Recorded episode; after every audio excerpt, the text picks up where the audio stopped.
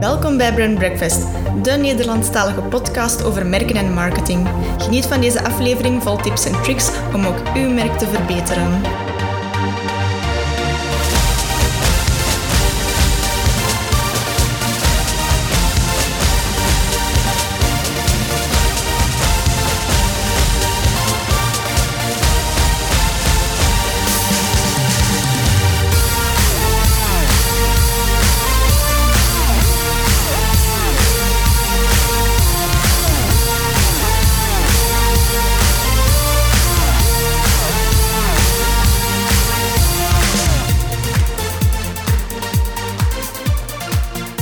Beste luisteraars bij een nieuwe aflevering van onze Brand Breakfast podcast. Deze keer terug uh, met een, uh, een, gast en niet de minste. We hebben hier uh, bij ons in de studio zitten niemand minder dan Tariani. Hey, hallo. Hi, welkom.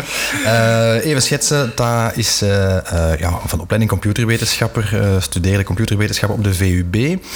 was daarna medeoprichter van het online platform Muslim en is vandaag managing partner van Aliens, een bureau in Antwerpen gespecialiseerd in inclusieve marketing. Meteen ook het, het topic van onze aflevering deze keer. En toch wel heel straf, ik ben er stiekem toch een beetje jaloers op dat. Hè. Op zijn 21ste al opgenomen in de, uh, de lijst van uh, de Forbes 30 Under 30. Dat is wel mad respect, moet ik zeggen. Uh, Bedankt. heel cool. Maar goed, ja, het is niet daarvoor dat ik u geïnviteerd heb natuurlijk. Ja. Ehm, maar wel om het over inclusieve branding, inclusieve marketing te hebben. Hè. Jullie specialiteit bij Aliens. Um, ja, ik ga meteen met de deur in huis vallen. Hè. Dat is jullie missie om een, een inclusieve samenleving te creëren. Hè. In deze dan via marketing. Uh, ja, welke rol spelen merken daar eigenlijk in? En wat misschien nog, nog straffer, uh, eerste vraag om, om, om, te zorgen dat we allemaal over hetzelfde bezig zijn. Wat verstaan jullie onder die inclusiviteit? Want dat is natuurlijk een heel vage ja. term. Uh, dus ja, inclusiviteit vertrekt vanuit het concept ja, van diversiteit. Dus -hmm. wij leven in een diverse samenleving. Uh, onze ja, samenleving wordt dagelijks diverser en diverser. Identiteit wordt complexer. Uh, identiteit wordt ook uiteindelijk gedefinieerd door zoveel verschillende aspecten vandaag. Uh, waardoor het ook uiteindelijk ja, direct een belangrijke rol begint te spelen uh, binnen het definiëren van onze samenleving enerzijds, maar ook binnen de communicatiesector okay. en marketing. Um, ja, dus als we gaan spreken over inclusiviteit, dan komen we naar het verhaal van hoe kunnen we ervoor zorgen um, dat we uiteindelijk een samenleving gaan creëren waarbij iedereen zichzelf kan zijn en waarbij ook iedereen zijn identiteit kan uitvoeren zonder beperkt te geraken. Um, wij leven niet in een samenleving vandaag waar het mogelijk is, uh, dus er zijn nog heel veel stappen die we moeten Uh, verder zetten. Uh, maar wanneer het aankomt tot, uh, tot communicatie of marketing, spelen merken en organisaties ook een hele belangrijke rol okay. op dat verhaal. enerzijds, we gaan ook niet ontkennen dat heel veel merken een belangrijke maatschappelijke verantwoordelijkheid dragen. Ja, klopt. door het feit dat communicatie ja, onze on, discours definieert, het verhaal definieert, de, onze cultuur definieert. Mm -hmm. En anderzijds, als we ook uiteindelijk vertrekken vanuit een eenzijdige, niet inclusieve visie, dat ze onrechtstreeks ook een gedeelte van de samenleving uh, ontkennen. Ja, uitsluiten of gewoon, echt. Ja, uitsluiten ja, of wegwerken. Uh, ja, meestal niet met die specifieke intenties, hè, want uh, heel veel bedrijven en organisaties uh, weten het niet, dat ze, het, dat ze ermee bezig zijn. Hmm. maar wanneer het aankomt tot inclusieve marketing, wat onze specialiteit is, is het feit dat wij bedrijven en organisaties vooral gaan ondersteunen om hun communicatie uh, meer toegankelijk uh, en herkenbaar te maken voor een bredere doelgroep uh, binnen de samenleving, zonder uiteindelijk een bepaalde doelgroep te gaan stereotyperen of Ja. bepaalde vooroordelen mee te nemen in het verhaal. Waardoor je enerzijds de doelgroep die je vandaag bereikt verder kunt gaan uitbreiden tot, ja, tot de bredere doelgroep binnen de samenleving.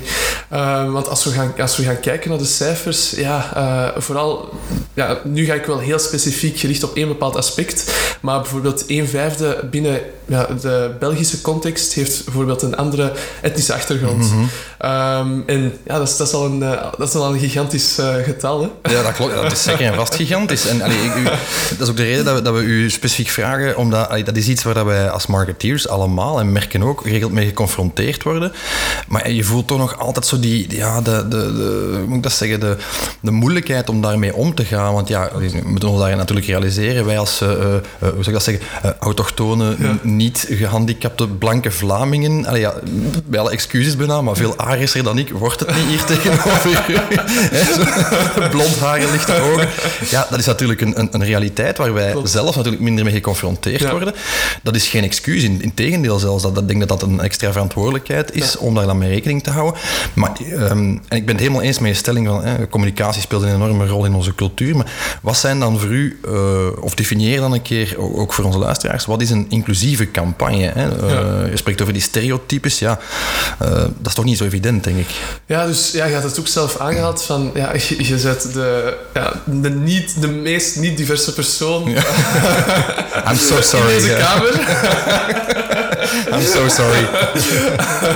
um, nee, maar wat ik ook vaak meegeef aan, uh, um, ja, aan mensen binnen mijn netwerk of aan de klanten waarmee wij samenwerken. De eerste stap is om, ja, om te leren omgaan met die diversiteit, is het feit dat je moet beseffen dat je er ook een gedeelte ervan bent. Uh, ondanks het feit dat je waarschijnlijk jezelf zou zien als een niet-diverse persoon, uh, je zijt ook divers door misschien je, ja, bepaalde gedeeltes van je identiteit, of hoe je jezelf definieert, of ja, je interesses in je, in je dagdagelijks leven. waardoor het ook heel gemakkelijk is om te begrijpen wat diversiteit is binnen onze samenleving en waarom dat, dat ook belangrijk is om dat te omarmen. Mm. En waarom dat het niet fijn zou zijn dat je wordt uitgesloten op basis van één bepaald aspect ja, bepaalde van preferen ja, bepaalde preferentie of... Uh, ja, ja, dus dat is wat ik ook vaak doe om, uh, om mensen dichter bij uh, ja, inclusie te brengen of hen het concept van diversiteit uit te leggen en hen ook wat dichter bij het verhaal te brengen, zodat ze ook meer betrokken zijn, um, is om te zeggen van, ja, was er een bepaald moment in je leven dat je uitgesloten werd? Mm. Uh, en ja, sluit je ogen en kijk terug naar, uh, naar de afgelopen periode. Uh, en wees heel breed. Het moet niet beperkt zijn op bepaalde aspecten die een gedeelte vormen van je identiteit. Maar was er een trouwfeest waar je niet uitgenodigd werd? werd je op school bijvoorbeeld niet uit, ja, uit de groep gepikt Ja, als ja. eerste tijdens de turnlessen? Dat is wel keigoed dit. Ja, ja, dat is mooi. En welk gevoel wekt dat op? Ja, ja. En als ik deze oefening doe tijdens, uh, tijdens een keynote of uh, tijdens een workshop, dan krijg ik heel veel opmerkingen van ja, het, het, gevoel dat ik op dat moment had was het feit dat ik mij minderwaardig Mm. voelde, het feit dat ik mij uitgesloten voelde, het feit dat ik mij niet goed genoeg voelde, het feit dat ik boos was, um, het feit dat ik uh, geen zelfvertrouwen had. En het moment dat je ook uiteindelijk gaat nadenken over die aspecten, uh, of die uh, gevoelens die gelinkt zijn aan ja, het uitsluiten van bepaalde doelgroepen of jezelf vanuit een, bepaald, vanuit een bepaalde context, Mm. dan gaat je beseffen wat het, het omgekeerde is van uh, exclusie. Ja. En dan gaat het ook gemakkelijker voor, uh, voor u zijn als persoon uh, om, er, om eraan te werken en te beseffen van oké, ik behoor ook tot die diversiteit. het is niet een project waarover ik spreek of waarover ik werk Hm. of een, een, een, een- ja, we hebben wat budget nodig om rond diversiteit iets te doen, maar dat je echt beseft van fuck, het is echt iets dat behoort tot, tot de dagdagelijkse werking, tot mijn context en ik moet er ook werk van maken. En dat is die andere ingesteldheid die je hebt proberen mee te nemen voordat Bijvoorbeeld gaan beginnen. Ja. Dus iedereen kan te maken, eh, ja, te maken maken met, eh, met exclusie. Hè? En dat kan bepaalde negatieve gevoelens opwekken. Eh, en als je beseft dat heel veel mensen binnen je doelgroep, die je normaal gezien moet bereiken, toch niet tot die doelgroep eh, behoren of toch die gevoelens meenemen, dan is dat wel even zo Ja. een wake-up call. En wat maakt dan een, een campagne of een merk, wat maakt dat dan inclusief? Allee, hoe, hoe, hoe, hoe zorg je ervoor dat dat herkenbaar is voor een Ja. brede doelgroep eh, in uw Ehm, visie? Wat we vaak opmerken is het feit... Ja, het vertrekt altijd vanuit de basis. Hè? Eh, dus ja, uw boodschap die je naar de buitenwereld moet uitsturen, of uw insight waarop je uw campagne of strategie gaat baseren, moet toegankelijk zijn en herkenbaar zijn voor, een, voor een bredere doelgroep binnen de samenleving. Ehm, en als we gaan kijken naar eh, campagnes vandaag, loopt het meestal daar mis. Als je een... ehm, een ho- homogene groep hebt van, eh, van mensen die werken op een bepaalde campagne eh, of een strategie. En ze vertrekken vanuit een insight. En je weet, als je een insight vindt en je bent bezig aan een campagne, je bent zo blij, want je kunt heel je strategie erop baseren. en denk je, van, fuck, dit is zo goed. Ja. Uh, dan gaat je niet direct denken van, is dat wel degelijk toegankelijk voor Ja, een brede doelgroep of herkenbaar? Uh, dan gaat je gewoon vertrekken, dan gaat je je campagne opzetten of je strategie verder opzetten en dan zet je al vertrokken. Um, dus ja, het vertrekt meestal vanuit de boodschap of insight die je creëert. Soms moet je wel degelijk kritisch zijn voordat je alle enthousiasme naar voren gaat brengen en gaat denken van dat is de beste insight die we hebben gevonden voor, uh, voor deze campagne of voor deze strategie. Uh, dat je wel degelijk kritisch moet zijn en, en, en je afvragen van is dat wel uh, toegankelijk en herkenbaar voor een brede doelgroep. Ja. je kunt dat enerzijds aftoetsen binnen je netwerk. je kunt dat aftoetsen via, als een grote campagne ja, focusstudies. Focusstudies, ja, dat kun je allemaal meenemen. Maar op het moment dat je daar wat bevestiging over hebt of je insights verder hebt kunnen verfijnen of bepaalde elementen erbij toegevoegd om dat meer toegankelijk te maken, okay. dan gaat je uiteindelijk vertrekken naar de implementatie, naar het opzetten van je strategie mhm. ehm, en de, de uitvoering ervan. Wanneer je bijvoorbeeld werkt aan de strategie, alle facetten of uh, alle elementen die ook een, een, belangrijke rol spelen binnen de strategie, zoals de channels, gaat je ook uiteindelijk kritischer bekijken. Gaat je nadenken van oké, okay, zijn de kanalen die ik vandaag inzet wel divers genoeg? Ja. Kan ik een bredere doelgroep bereiken? Wat we vaak krijgen is het feit, uh, maar ja, doen jullie geen diversiteitsmarkt of is dat niet meer inclusief? Als je vertrekt vanuit een inclusieve insight en je boodschap is heel inclusief en toegankelijk en herkenbaar voor een brede doelgroep, mm. kun je wel gaan diversifieren in de kanalen die je gaat inzetten. Juist, ja. Uh, maar wanneer wordt het verkeerd als je specifieke uh, identiteitsaspecten van een bepaalde doelgroep gaat uitspelen om die mhm. doelgroep te gaan bereiken? Oh, dat was ik, uh, exact, ik was exact aan het denken, maar inderdaad, ja. dat, wil ik, wil ik dan dat toch vragen van ja, hoe doe je dat zonder, ik noem dat dan een beetje zo de binnentonachtige kant ja. op te gaan, hè, van er moet, zo lekker in de stokfoto's zo, ja. het moet een heel divers, bijna geforceerde en ik kan me inbeelden dat jij gewoon fruitsap maakt en je maakt een, een, een toffe campagne om je fruitsap te promoten, dat je niet automatisch gaat denken van ja, ik ga er iemand insteken met een ander kleurtje of iemand in een rolstoel om toch maar die brede doelgroep... Uh... Ja, en, ik snap het, want um, ja, uh, inclusie of een inclusieve campagne, dat, is, dat, is, ja, dat, dat, komt van punt A tot en met punt B. Wat we vaak opmerken bij... Uh, we hebben vaak gehad dat die andere communicatiebureaus naar ons komen en zeggen van onze klant heeft gezegd dat we diverser moeten zijn of inclusiever moeten zijn. En ik kijk naar en ik denk van, ah, tof. heel mooi. Um, maar wat moeten wij doen? We hebben de campagne afgewerkt. Hier ligt de campagne. We zijn misschien van plan om nog iemand van kleur toe te voegen uh, bij de beelden. In is Photoshop dat dan divers, is, dat, ja, is dat dan divers genoeg? Ik kijk ik denk van, nee. Daar gaat niet over. Je campagne is inclusief als je al van punt A met die ingesteldheid zit. Als, dat, als dat niet uiteindelijk een, een checkpoint is op het mm, einde van, mm. je, uh, van uw campagne. Um, en dat is wat ik bijvoorbeeld Benetton-campagnes of andere campagnes waar het heel geforceerd overkomt. Een campagne waarbij inclusie de basis vormt van punt A tot met punt B komt heel authentiek over. Exact, maar dat is de gaat over... ja, dan loopt het ook niet mis. En dan is niet de vraag van moeten wij er iemand erbij toevoegen van kleur of moeten wij er iemand toevoegen. Dan gaat dat heel natuurlijk gebeuren, omdat uw campagne ook heel inclusief is. Al van, uh, van, van de eerste stap, uh, van de eerste stap die je hebt gezet om die campagne um, op te stellen. Maar die authenticiteit is, is cruciaal, vermoed ik. Ja. Dat is, dat is in, in, in brand purpose ook, dat leggen wij aan klanten ook uit. Van ja, post factum achteraf ineens een brand purpose gaan ontwikkelen omdat het toevallig hip is. Ja, nee. Ja. Dat is iets dat organisch ontstaat, uit cultuur. En het risico op, op, op, op greenwashing en, en, en whitewashing en rainbowwashing is geweldig groot ineens ook, hè, als je op die manier... Klopt, uh... volledig. Hè. En ja, het is, uh, uh, werken rond diversiteit en inclusie is voor heel veel bedrijven een, een, een heel moeilijk gegeven, want je gaat ook fouten maken. Mm. en ja, er zijn ook heel grote fouten gemaakt, soms domme fouten.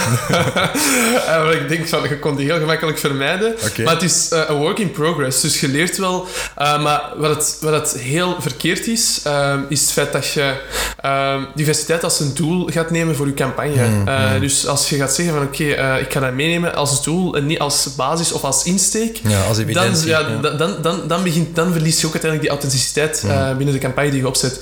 Enerzijds. Maar anderzijds, als je ook uiteindelijk gewoon denkt van oké, okay, we gaan inclusief beginnen communiceren met de campagnes die wij opzetten, maar uw cultuur of uw interne werking is helemaal niet inclusief. Mm -hmm dan, uh, dan zit je ook niet goed bezig. Want de, ja, de doelgroep vandaag, of ja, de samenleving, uh, ja, of de mensen die je wilt bereiken, zijn vandaag heel kritisch. Mm.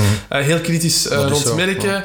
Ja. Um, ook met, met het feit dat je ook ja, via sociale media een platform hebt om direct je mening te delen, mm. geeft ook een mogelijkheid om bepaalde elementen of bepaalde zaken die helemaal niet authentiek zijn, of die met van, vanuit verkeerde intenties of verkeerde, verkeerde ingesteldheid worden gecreëerd, direct... ja, wordt meteen afgestraft. Ja, dat wordt meteen af... vernietigd. Vernietigd. Um, en dan voelt je dat heel veel bedrijven soms heel voorzichtig zijn rond uh, inclusieve communicatie of ook inclusieve campagnes. Maar de vraag die je jezelf altijd moet stellen van, zijn we wel degelijk inclusief van punt A tot met punt B? Hmm. Uh, en als je dat wel degelijk bent, dan zet je ook uiteindelijk authentiek uh, bezig. Alright. Ja, je haalde het daarnet al aan. Hè. Uh, ja, los van het feit dat marketing en branding een rol spelen in het verkopen van producten en diensten, ja. heeft het ook impact op cultuur, op identiteitsvorming, op, op onze samenleving. Hoe zien jullie dat? Uh, heeft dat zo'n impact dat je zegt van, ik zie een campagne in een buskotje of op tv, uh, dat vormt mij als mens of als cultuur, denk je? Ik denk dat we wel gebombardeerd worden door advertenties en campagnes. heel veel zelfs. Um, maar wat je, wat je wel hebt, als je telkens een eenzijdige visie hebt um, die, uh, ja, die ons discours domineert, uh, dan, zoals ik had aangegeven, ja, zorgt ervoor dat, dat bepaalde groepen of bepaalde ideeën um, ook niet naar voren kunnen komen. Mm. Uh, waardoor je ook uiteindelijk een, een, hele grote doelgroep binnen de samenleving ja, het gevoel geeft dat ze niet, niet behoren, er niet bij horen. Um, ja, dat ze ook uiteindelijk niet kunnen bijdragen. Uh, en daardoor heb je onrechtstreeks ook dat effect op, uh, op de maatschappij. Mm, mm. Waardoor ik ook vaak zeg, de reden waarom ik ook in de marketing zit en niet bijvoorbeeld in de politiek, is feit dat ik geloof dat bedrijven wel degelijk impact kunnen hebben. Ik ben het daar helemaal mee eens. Ja. Meer dan de politiek. Ja, staat in mijn boek. Allee, dat is misschien heel, heel touchy qua subject, maar ik zeg dat letterlijk in mijn boek ook. Hè, van, van, ja, eigenlijk hebben merken bijna een beetje de rol van politiek en religie overgenomen in veel gevallen. Als je kijkt naar een seculiere maatschappij als, als, als, als België of Vlaanderen. Ja, mensen luisteren veel minder naar dat soort bakens van wijsheid en vertrouwen. Hè. Politiek, ja, of wie gelooft daar nog in uh, anno 2020? Dus het zijn de merken die de verandering inzetten. Hè. De, de, opwarming van de aarde, eh, de, de, de inclusie, al dat soort uh, thema's. nu Black Lives Matter bijvoorbeeld. dat, is, dat, is, enorm. Hè. De, de impact van merken is veel groter dan van politici. Nee, dat is waar. En ik zou bijvoorbeeld ook dat voorbeeld aanhalen van Facebook met hun, ja, met hun advertentieverhaal en de klanten die uiteindelijk allemaal zijn mm. afgestapt mm. vanuit ook een maatschappelijke ja, motivatie, dan zie je welke impact dat bedrijven en merken vandaag kunnen hebben mm. op, uh, op de samenleving. En je ziet ook heel veel uh, bedrijven en organisaties ook afstappen van meer commerciële gedachtegang, van we moeten zoveel verkopen. Ja, platvloerse commerce. het komt allemaal goed, maar meer uiteindelijk gaan kijken van hoe kunnen we maatschappelijk bijdragen tot de samenleving en ook een gedeelte vormen van het verhaal van de mensen, van het gevecht dat heel veel mensen aan het voeren zijn vandaag. Uh, en dan zie je brands zoals bijvoorbeeld een Nike, uh, die dat heel goed doen uh, en die uiteindelijk ook enorm betrokken zijn bij, bij de maatschappelijke thema's. Hier in België zitten we nog altijd in een heel conservatieve context.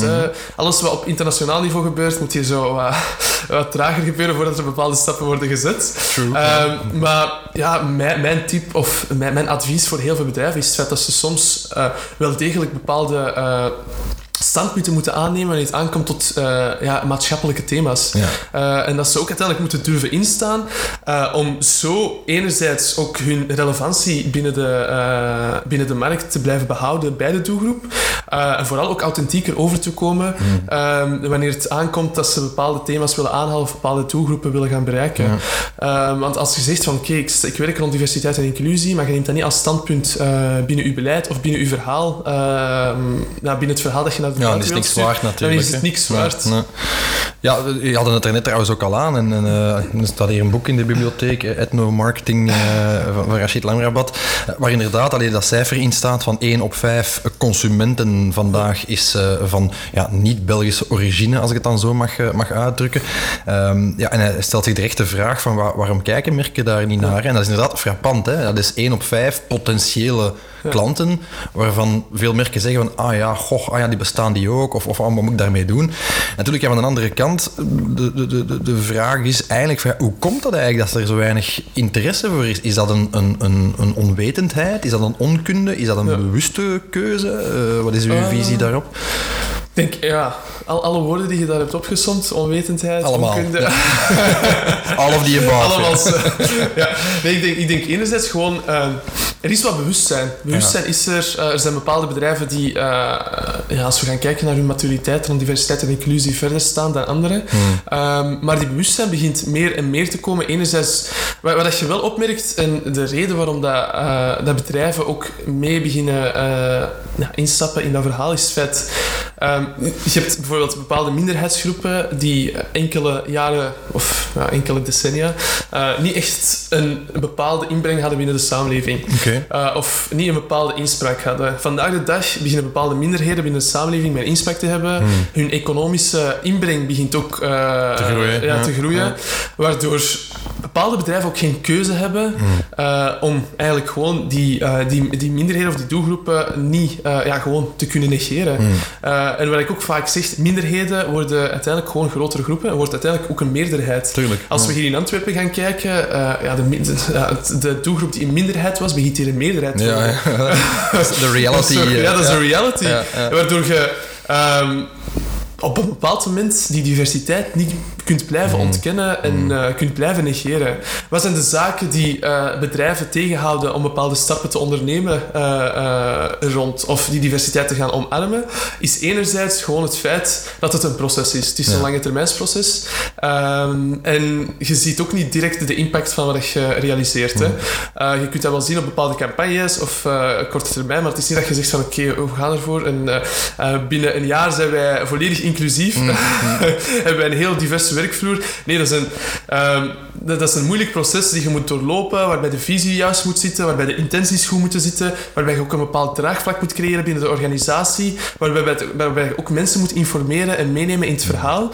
Uh, en daar lopen heel veel zaken mis. En wat dat het moeilijkste is voor heel veel organisatiebedrijven, is het feit dat ze terechtkomen bij bepaalde pijnpunten uh, binnen hun organisatie. En pijnpunten... Ja, dat doet pijn, doen, hè, ja. ja. De facto nog niet, hè. Ja. En dan maakt het voor hem moeilijk om verder bepaalde stappen te ondernemen of te zeggen van, oh, dan ga ik gewoon blijven negeren of zo. Hmm. Maar ik ga één ding zeggen, uh, wat ik vaak zeg tegen heel veel bedrijven en organisaties vandaag, is dat uw opportuniteit binnen tien jaar is dat uw ondergang. Hmm. Dus denk er twee keer over na. Dat is ook een mooie, ja, om mee te nemen. Absoluut. Dus dat zijn de klanten of bedrijven die vandaag al meegaan met, met de diversiteit van vandaag, die, die het al omarmen. En de, de anderen die het gewoon negeren en er niet naar kunnen kijken, maar binnen tien jaar, als het allemaal een realiteit mm. wordt, het moment dat je in actie gaat schieten, dan is het volledig te laat. Ja, ja. dus act now. Zeg, als, ik, als ik toch even advocaat van de duivel mag spelen, in hoeverre willen alle minderheidsgroepen, die misschien ondertussen zelfs al meerderheidsgroepen zijn, willen die aangesproken worden? Die merk zal een stom voorbeeld geven. Uh, uh, wij zitten hier vandaag in ons kantoor bij Pavlov, 2060 Antwerpen, voor de, de, mensen die weten waar dat gelegen is. Uh, ja, ik kan me inbeelden dat er mensen zijn hier in mijn buurt, dat is een Portugese buurt, heel veel van die Portugezen, hè, of mensen van Portugese oorsprong, Um, ja, die verkiezen toch vooral in Portugese winkels Portugese merken te kopen, die ze kennen van vroeger of, of van, van opa en oma zelfs nog. Gaan naar Portugese winkels, Portugese cafés. Um, ja, ik kan me inbeelden dat die misschien geen boodschap hebben aan Belgische of Westerse merken die hen uh, inclusief willen meenemen in dat verhaal. Hoe zie je dat? Um, ja, dus ja, dat is ook, uh, ja, daar zit je vooral specifiek de nadruk op één bepaald aspect van de identiteit van, van die persoon. Mm Want hun identiteit is breed. Uh, dus Natuurlijk. Um, ja, er zijn heel veel merken binnen de samenleving. Die persoon gaat waarschijnlijk ook Evian gaan drinken of Spa als water of heeft een voorkeur van welk merk dat hij graag uh, opneemt. Um, dus ja, daarvoor zijn er niet bepaalde specifieke uh, merken of Portugese merken die, die naar voren gaan mm. komen. Um, Identiteit definieert een persoon. Een persoon uh, hoort ook bepaalde, bij bepaalde groepen of uh, waar hij zich thuis voelt. Hmm. Dat is een normaal gegeven. Maar als je uiteindelijk uh, pakt... Ik haal altijd het voorbeeld van tandpasta, I don't know. Tandpasta, Colgate. en ja, die persoon is ook uiteindelijk je doelgroep. Hmm. Maar je bereikt die niet met de campagnes die je opzet. Want in je campagnes komen altijd gewoon de standaard ja, personen die je telkens aanhaalt. Hmm. Dezelfde witte kopjes Dezelfde witte kopjes de witte tanden. ja. dan, dan doet je iets verkeerd. En dan gaat je ook niet onderscheiden of sterk uiteindelijk inspelen op zeg maar, die diversiteit van vandaag. Om hmm. die bredere doelgroep te gaan betrekken. Um, bepaalde doelgroepen hebben ook bepaalde voorkeuren. Um, en ik ga ook niet... Er is een groot verschil tussen bijvoorbeeld uh, inclusieve marketing en ethnomarketing. Want daar zitten we vooral... Hier in dit verhaal of in dit gegeven zitten we vooral de nadruk op de etniciteit van een hmm. bepaalde, van een bepaalde doelgroep. In dit uh, voorbeeld nu even wel, ja. Dat klopt. Ja. Klopt, ja. Want ja, het, ik kan niet zeggen dat ethnomarketing uh, geen goede strategie is. Uh, het is ook een, een, een, strategie binnen de marketing die kan ingezet worden. Maar het is ook niet inclu inclusief per het is se, niet inclusief. het is ook weer specifiek op een bepaalde doel. Klopt, je focust je vooral op de etniciteit. Uh, dus een specifiek aspect van, van de identiteit van een bepaalde persoon. Maar dat je daar vooral... wanneer... Et, ja, ethnomarketing is, is goed wanneer uiteindelijk ehm, het product dat je wilt verkopen een link heeft met de tradities van, van die doelgroep. Dus de culturele tradities. Anderzijds... ja, of uiteindelijk de, um, de, ja, de land van herkomst van die persoon zelf. Ja. En heel mooi, twee voorbeelden. eh, eh, wanneer het aankomt bijvoorbeeld met eh, de tradities. Wij, hebben, wij doen jaarlijks een campagne voor, of enkele campagnes. We hebben een vaste samenwerking met Brussels Airport, waarbij ze uiteindelijk de nadruk zetten op het VFR-verkeer. Dus visiting friends and family. Van Marokkaanse Belgen. Dus er is een traditie bij Marokkaanse Belgen, waarbij ze uiteindelijk elk jaar tijdens de zomer hun familie gaan bezoeken. Oké. Eh, Brussels Airport heeft ontdekt dat ze daarin een groot marktaandeel eh, kunnen krijgen. Ehm, en dat ze ook uiteindelijk wat sterker kunnen zijn ten opzichte van de concurrentie. En daarom dat ze ook inspelen op die doelgroep. Wanneer het aankomt tot de campagnes die we dan opzetten, daar kunnen we inspelen op eh, de traditionele elementen, de, ehm, ja, de, de mooie verhalen die er ook aan gelinkt zijn. En komt die campagne ook heel authentiek over bij de doelgroep. Ja. Anderzijds, de tweede eh, reden wanneer dat je uiteindelijk ethnomarketing zou inzetten, is wanneer de, ja, het merk of het product dat je wilt verkopen een link heeft met, de, eh, een land van herkomst. Dan spreek ik bijvoorbeeld over pasta. We gaan nooit uiteindelijk eh, een, een advertentie op tv of een campagne op tv waarbij, eh, waarbij pasta naar voren wordt gebracht of pizza naar voren wordt gebracht en een liedje, een Italiaans liedje op de achtergrond zit. We gaan niet zeggen van oh dat is raar of dat is niet authentiek of dat Ja. komt heel vreemd over. We gaan dat allemaal accepteren. En we gaan zeggen van oké, dit is heel authentiek en het komt heel authentiek over. Dus dat zijn de twee redenen wanneer je ethnomarketing gaat inzetten. Maar als je gewoon een algemeen product verkoopt ehm, dat, eh, ja, dat bedoeld is voor een brede doelgroep en je gaat er etnische of culturele elementen erin gaan inspelen, dan zet je wel enorm aan het eh, ja, segregeren op basis Ja, van die etniciteit of op basis van eh een bepaald aspect in, in, in dat verhaal. Wat gebeurt nog? Hè? Allee, Een stom voorbeeld. Ik denk dat dit jaar zelfs nog was dat er een campagne was van een, een, een wasmiddel. Ja.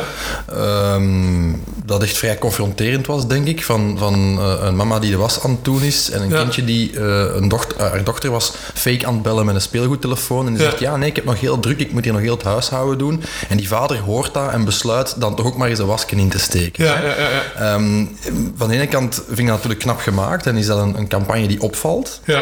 Van de andere kant kun je de vraag stellen, ja, hoeveel mannen zitten op dat moment tv te kijken en voelen zich daardoor aangesproken of zeggen die van, och ja, het is wat het Ja. is. Eh, dus ik snap de bedoeling wel, maar ik, ik stel me dan als consultant en als moeilijke mens altijd de vraag van, ja, willen die wel aangesproken worden Ja. hè, op dat moment, eh, die mensen die je probeert aan te spreken? Nee, dat, dat klopt. Wat je ook daar doet, is het feit dat je ook nog altijd bepaalde stereotypes of bepaalde vooroordelen blijft ja. bevestigen. Ja. Ik denk dat de insteek wel heel mooi zou zijn om te zeggen van oké, we, gaan, we gaan laten zien dat mannen ook eh, mee moeten helpen in het huishouden. Maar ik zou een, betere campagne zien waarbij gewoon de man het huishouden aan het doen is zonder dat dat het verhaal moet zijn of de, in, de insight moet zijn eh, in, in het verhaal dat je naar, naar voren brengt. Ehm, ik heb ook onlangs een campagne gezien van, eh, van Zeeman, denk ik, eh, waarbij ze echt al die stereotypes hebben doorbroken in een, in een bepaalde campagne. En het leek heel natuurlijk, het leek allemaal heel authentiek en het kwam ook heel sterk over. Waarbij je gewoon ja, de man zag die het huishouden deed. eh, je zag ook uiteindelijk gewoon een, een, een, een, ja, een, een, een gezin met een andere etnische achtergrond, allemaal tezamen aan een tafel, eh, zonder dat er uiteindelijk eh, de nadruk moest gezet worden op hun etniciteit. Op, op, de, de nadruk daar in dat verhaal werd vooral gezet op de gelijkenissen. En dat is ook uiteindelijk de insteek van, van inclusieve marketing. Het feit dat wij gaan zoeken naar die gelijkenissen die herkenbaar zijn voor een bredere doelgroep, Exact, zonder de nadruk te gaan zetten op eh, bepaalde identiteitsfacetten eh, van, die, van die personen die je wilt gaan bereiken. Eh, dus in plaats van dat je die, ja, die familie die daar zit gewoon gezellig aan het eten, dat is herkenbaar voor iedereen. Mm. Maar je gaat niet de nadruk zetten op hun achtergrond of op de taal of iets dat hen onderscheidt of anders maakt van de, van, van de samenleving. En daar is ook uiteindelijk de vraag van ja, inclusieve marketing. Zet de nadruk op de gelijkenissen en zorg ervoor dat je je, je brede doelgroep gaat bereiken. Eh ethnomarketing zet de nadruk op één bepaald facet eh, van, die, eh, van die identiteit. En je gaat uiteindelijk vooral inspelen op het bepaalde traditionele gewoontes. Of uiteindelijk het moment dat je een link hebt met land van herkomst. En dat zijn de twee methodes die wij. eh, eh, Ja, want het is inzetten. inderdaad het is een kwestie van, hè, zoals gezegd, een brede doelgroep aanspreken en niemand uitsluiten. Tegelijkertijd kun je de vraag stellen, in hoeverre staat dat haaks op wat wij ook wel tegen klanten zeggen vanuit brandingstandpunt dan, van ja, kies een duidelijke niche, kies een duidelijke Ja. doelgroep. Hou op met mensen in sociodemografische vakjes in te delen, maar vooral als individuen te zien. Dus ja, Ja. meer one-to-one te gaan communiceren. Ja, dat staat voor mij in mijn hoofd dan even haaks op zo breed mogelijk te gaan communiceren. Dat is toch een, een precair evenwicht dat je daar Maar je kunt ook eh, one-to-one gaan communiceren op een inclusieve manier. Oké. Eh, ja.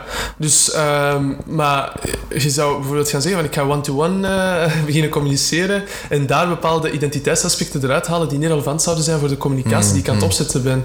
Ehm, dus ja, die, eh, one-to-one, er zit ook een, een strategie erachter, er zit ook uiteindelijk een insight erachter, er zit ook een boodschap die je wilt uitsturen achter het verhaal dat je eh, naar voren wilt brengen. Eh, dus die elementen moeten zeker inclusief zijn om uiteindelijk eh, die one-to-one verhouding te gaan hebben met die persoon of met, met, met die doelgroep die je Ja, en die gebruiken. authentiek te maken. En die authentiek te maken, klopt, ja. ja. Alright. Ja, eh, misschien heel simpel eh, eh, een paar concrete vragen Ja. eh, voor merken die aan het luisteren zijn. Ja, je, je spreekt heel vaak over inclusieve taal gebruiken. Ehm, wat is dat precies? Geef daar eens voorbeelden van. Ik neem aan dat je de campagnes Ja. eh, eh, zo in uw hoofd hebt eh, die jullie ontwikkeld hebben. Ja. Wat is inclusieve taal? Wat moet ik me daarbij voorstellen? Heel concreet. Wat is een inclusieve slogan of baseline of campagne, tagline? eh? Ja, inclusieve taal is het feit dat...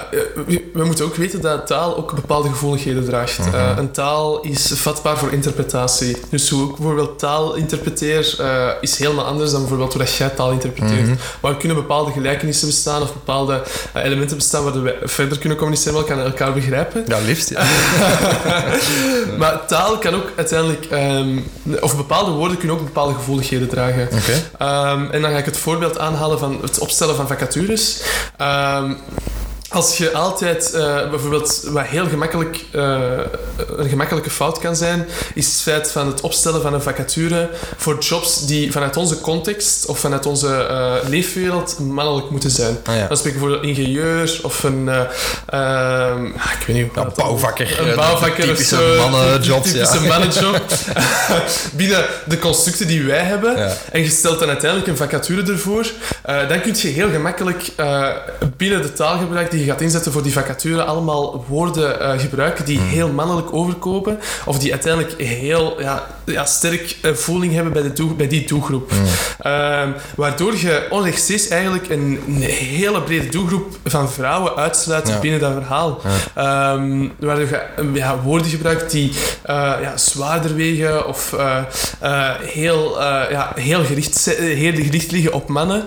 Ehm, en waardoor ook die connotaties dan direct worden overgenomen van oké, dit is een mannenjob en ik kan er niet op solliciteren. Ja, ja, Maar als je een bedrijf, eh, een bedrijf waar je zegt van oké, maar onze bouwvakkers eh, en bouwvaksters Hm. eh, zijn allemaal vrouwen en mannen en we willen ons ook openstellen om het diverser te maken, dan, kunt je, dan moet je soms ook uiteindelijk de vraag, de vraag stellen van oké, is, is die vacature die wij opgesteld, wanneer het aankomt totaal inclusief en is dat toegankelijk voor een brede doelgroep? En dan speelt dat wel een heel belangrijke rol. We hebben in- inclusie-experten bij ons in huis die heel eh, gevoelig zijn over bepaalde taal, eh, taalgebruik en bepaalde elementen en ons dan direct op eh, ja, oproepen, oproepen als, we, als we bepaalde woorden gebruiken die, die wat zwaarder wegen of die een bepaalde connotatie dragen. Ja, en wij proberen er wel degelijk op te letten. Dus je hebt wel degelijk die inclusief taalgebruik die, dat, een belangrijke rol speelt in u, bij het implementeren van een bepaalde strategie of een, of een campagne. Maar anderzijds heb je ook uiteindelijk ehm, de visuele representatie.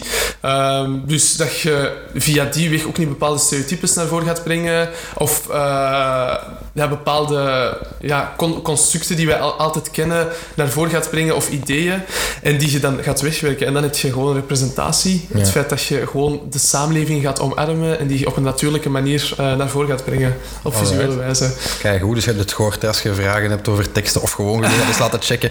Stuur ze door naar, uh, naar. Om, eens te checken. Die, die Ja, super kritisch. zijn. addertjes die het- onder het gras zitten. Ja, ja. ja daarbij aansluitend, ja, eh, merken die nu luisteren of, of die daar eh, eh, aspiratie hebben, ik mag het hopen dat ze ambitie hebben om inclusiever te zijn. Ehm, wat zijn dingen die je zou aanduiden, dat zijn dus echt quick wins. Dat zijn dingen die ze morgen kunnen aanpassen, los van het taalvoorbeeld dat je al gaf. Van, van, dat is iets waar dat je eigenlijk morgen al rekening mee zou moeten houden. eh. Ehm, ja, een eerste quick win is gewoon het feit dat je de diversiteit inclusie moet gaan definiëren binnen de organisatie. Wat betekent dat voor de organisatie, een bedrijf? Ehm, wat betekent dat voor ons? Wat zijn de intenties? Is er een bepaald draagvlak? Ehm, ik weet niet of dat dan... En, dat is ook sowieso... Dat is geen quick win, maar... Nee, maar oké, ja, het is wel stap het is de eerste Ja, stap voilà, 1. ja. stap één. Ehm, wanneer het aankomt tot diversiteit en inclusie, er zijn er niet direct bepaalde quick wins. Het is een mindset die je moet gaan eh, Hmm. verwerken. En waarom dat ik uiteindelijk een soort die eerste stap aanhaal als een quick win. Want van zodra je uiteindelijk dat definieert, kun je dat gemakkelijk gaan integreren Ja. in de in de processen die je doet dagdagelijks, in de werking, in de marketing, maar gaat je dat telkens ook in je achterhoofd houden. Ja, ja. Dus het is niet de vraag van uh, we moeten een inclusieve campagne opzetten of we moeten onze marketing inclusiever maken. De eerste vraag die je moet stellen en die een grote impact zal hebben op de organisatie en bedrijf is wat betekent diversiteit en inclusie voor ons? Mm. En hoe kunnen we uiteindelijk die mindset ook verwerken in onze processen en, uh, en dagdagelijkse werking? Ja, en dat is voor met- mij een quick win. Met heel simpel dingen bij ons spreken, uw website accessibel maken voor Klopt, ja, ja, ja, ja. eh, slechtzienden of ja, weet klopt. ik veel. eh, ja. Want als je die mindset hebt en telkens erover nadenkt, ja, dan gaat je ook je werking aanpassen of je processen telkens aanpassen. Tuurlijk, of gaat je denken van, oké, ik ben een journalist, oei, maar eh, binnen de media, het is niet zo divers. En oei, ik weet dat ik nu uiteindelijk ook mijn netwerk moet diverser maken. Dus de volgende keer dat ik een, een expert ga uitnodigen voor de call, dan ga ik me- iemand met, een andere achtergrond aanhalen of eh, ja, daarmee rekening eh, houden om uiteindelijk die diversiteit te gaan garanderen. Mm. Dus die mindset is wel heel belangrijk om uiteindelijk in actie te kunnen Ja. schieten. Dat is de start van alles eigenlijk. Dat is de start van alles. Ja. Dat is een quick win.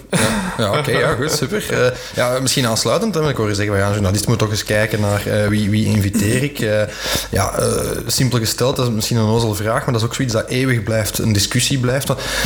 In hoeverre ben jij of zijn jullie voorstander van dingen als quota bijvoorbeeld? Allee, ik lees een tijdje geleden in de tijd dat banken constateren dat nog niet één op de drie directieleden van, van financiële instellingen Ja. in dit land van vrouwelijke, vrouwelijke geslacht is. Dus de oplossing is dan, ja, we moeten misschien dan maar eens nadenken over ja, specifiek meer vrouwen gaan werven. Ja. Ja, vergeef mij dat mijn haar daar toch altijd wat van rechtop gaat staan. Ja. Hè. Uiteraard is dat een, een goede zaak dat je een Ja. diverse directie hebt of een divers team.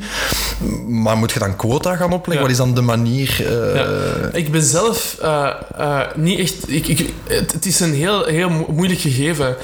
Ik ben enerzijds fan van quota's in het beginproces, maar het moment dat je uiteindelijk verder staat, moet dat geen leidraad niet meer. Nee. Dan moet je gaan streven naar een inclusieve cultuur. En dat moet vanzelf Ja, gaan, eerst moet je die diversiteit hebben voordat je gaat streven naar een inclusieve cultuur. Ehm, in heel de context of het verhaal achter die quota's, waarom, dat, ook eh, een belangrijke rol speelt in, bij de eerste stap, en het moet beperkt blijven bij de eerste stap, is het feit dat, dat lange periode een bepaalde doelgroep eh, of een bepaalde minderheid eh, een, een grote achterstand heeft op, eh, opgebouwd. Door bepaalde constructen binnen de organisatie of binnen onze samenleving, waardoor die doelgroep niet verder kon geraken.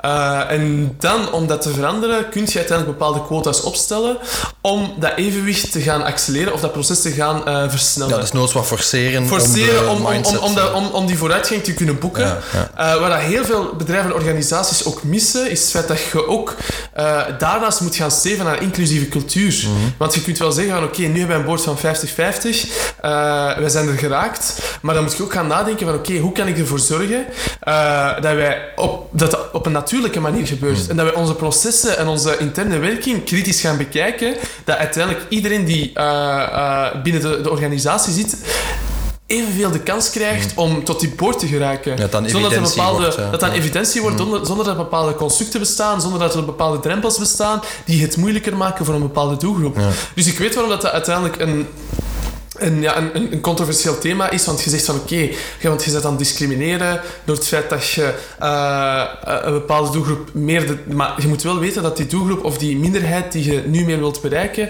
een lange periode een, een achterstand heeft, heeft geboekt door het feit dat er bepaalde constructen bestonden die het zeer, moeilijker, eh, allee, zeer, interessant, maken. eh, zeer interessant en ge- genuanceerd antwoord op die vraag. Ik heb dat nog nooit zo bekeken. inderdaad. Ik ben, ben, ben van mezelf uit dan, even mens dan en niet, niet marketeer, ben ik tegen quota. Maar Ja. zo het cliché van ja, de beste moet het maar. Maar inderdaad, dat is wel een punt Ja. dat je maakt. Van, ja, misschien moet je dan maar even de arm omwringen om, omwille van die achterstand die er gewoon Klopt. is inherent aan Ja. het bedrijfsleven en aan, aan hoe, merken Ja. eh, communiceren bijvoorbeeld. Ja. Ja. Ja, en dan, ja, ja, dan is de next step inclusie. Hè. En eh, als je die diversiteit hebt, en, en daarin ja, eh, ja, mislukken heel veel bedrijven. In de zin van, ze hebben een board van 50-50 of ze bereiken het, maar er bestaat nog altijd microagressie binnen de organisatie. Eh, de, niet iedereen heeft evenveel kans om uiteindelijk eh, verder bepaalde processen of carrière-mogelijkheden op te bouwen binnen de organisatie. Eh, en dan moet je nog altijd kritisch zijn naar je organisatie en echt zeggen van oké, eh, ja, die quota's zijn een, een, een korte termijnsoplossing. Eh, je behaalt er bepaalde cijfers mee. Maar op lange termijn moet je ook gaan kijken van hoe kun je dat op een natuurlijke manier blijven, eh, blijven garanderen. Alright, ja, mooi. Ik denk een, eh, een mooi eh, Laat ik zeggen, een, een mooie tip. Uh, misschien af te ronden. Ja, ik hoorde nu zeggen in de podcast bij Flanders DC van ja, eigenlijk zitten wij in een zelfdestructieve business. Ja. vroeg of laat zijn wij wellicht onnodig, want elk bedrijf zal inclusief zijn. Ja. plak daar eens een tijd op.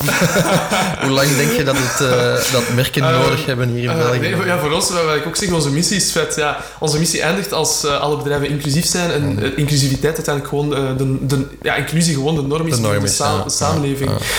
En dat is een streefdoel voor ons, maar er is nog heel veel werk. Er is nog heel veel werk en onze samenleving begint enkel diverser en diverser te worden.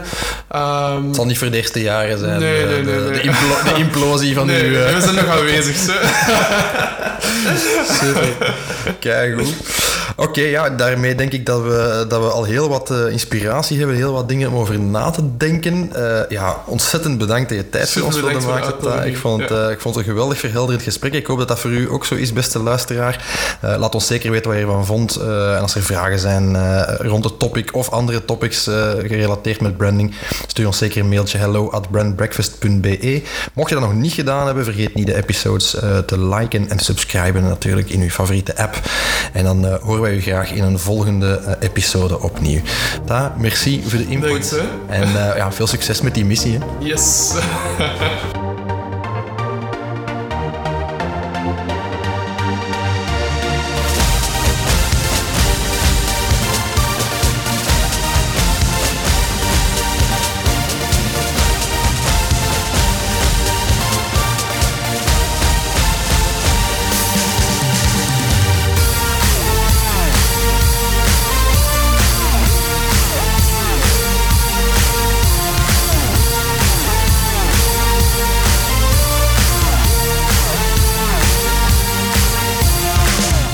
Brand Breakfast voor deze aflevering. Dank voor het luisteren.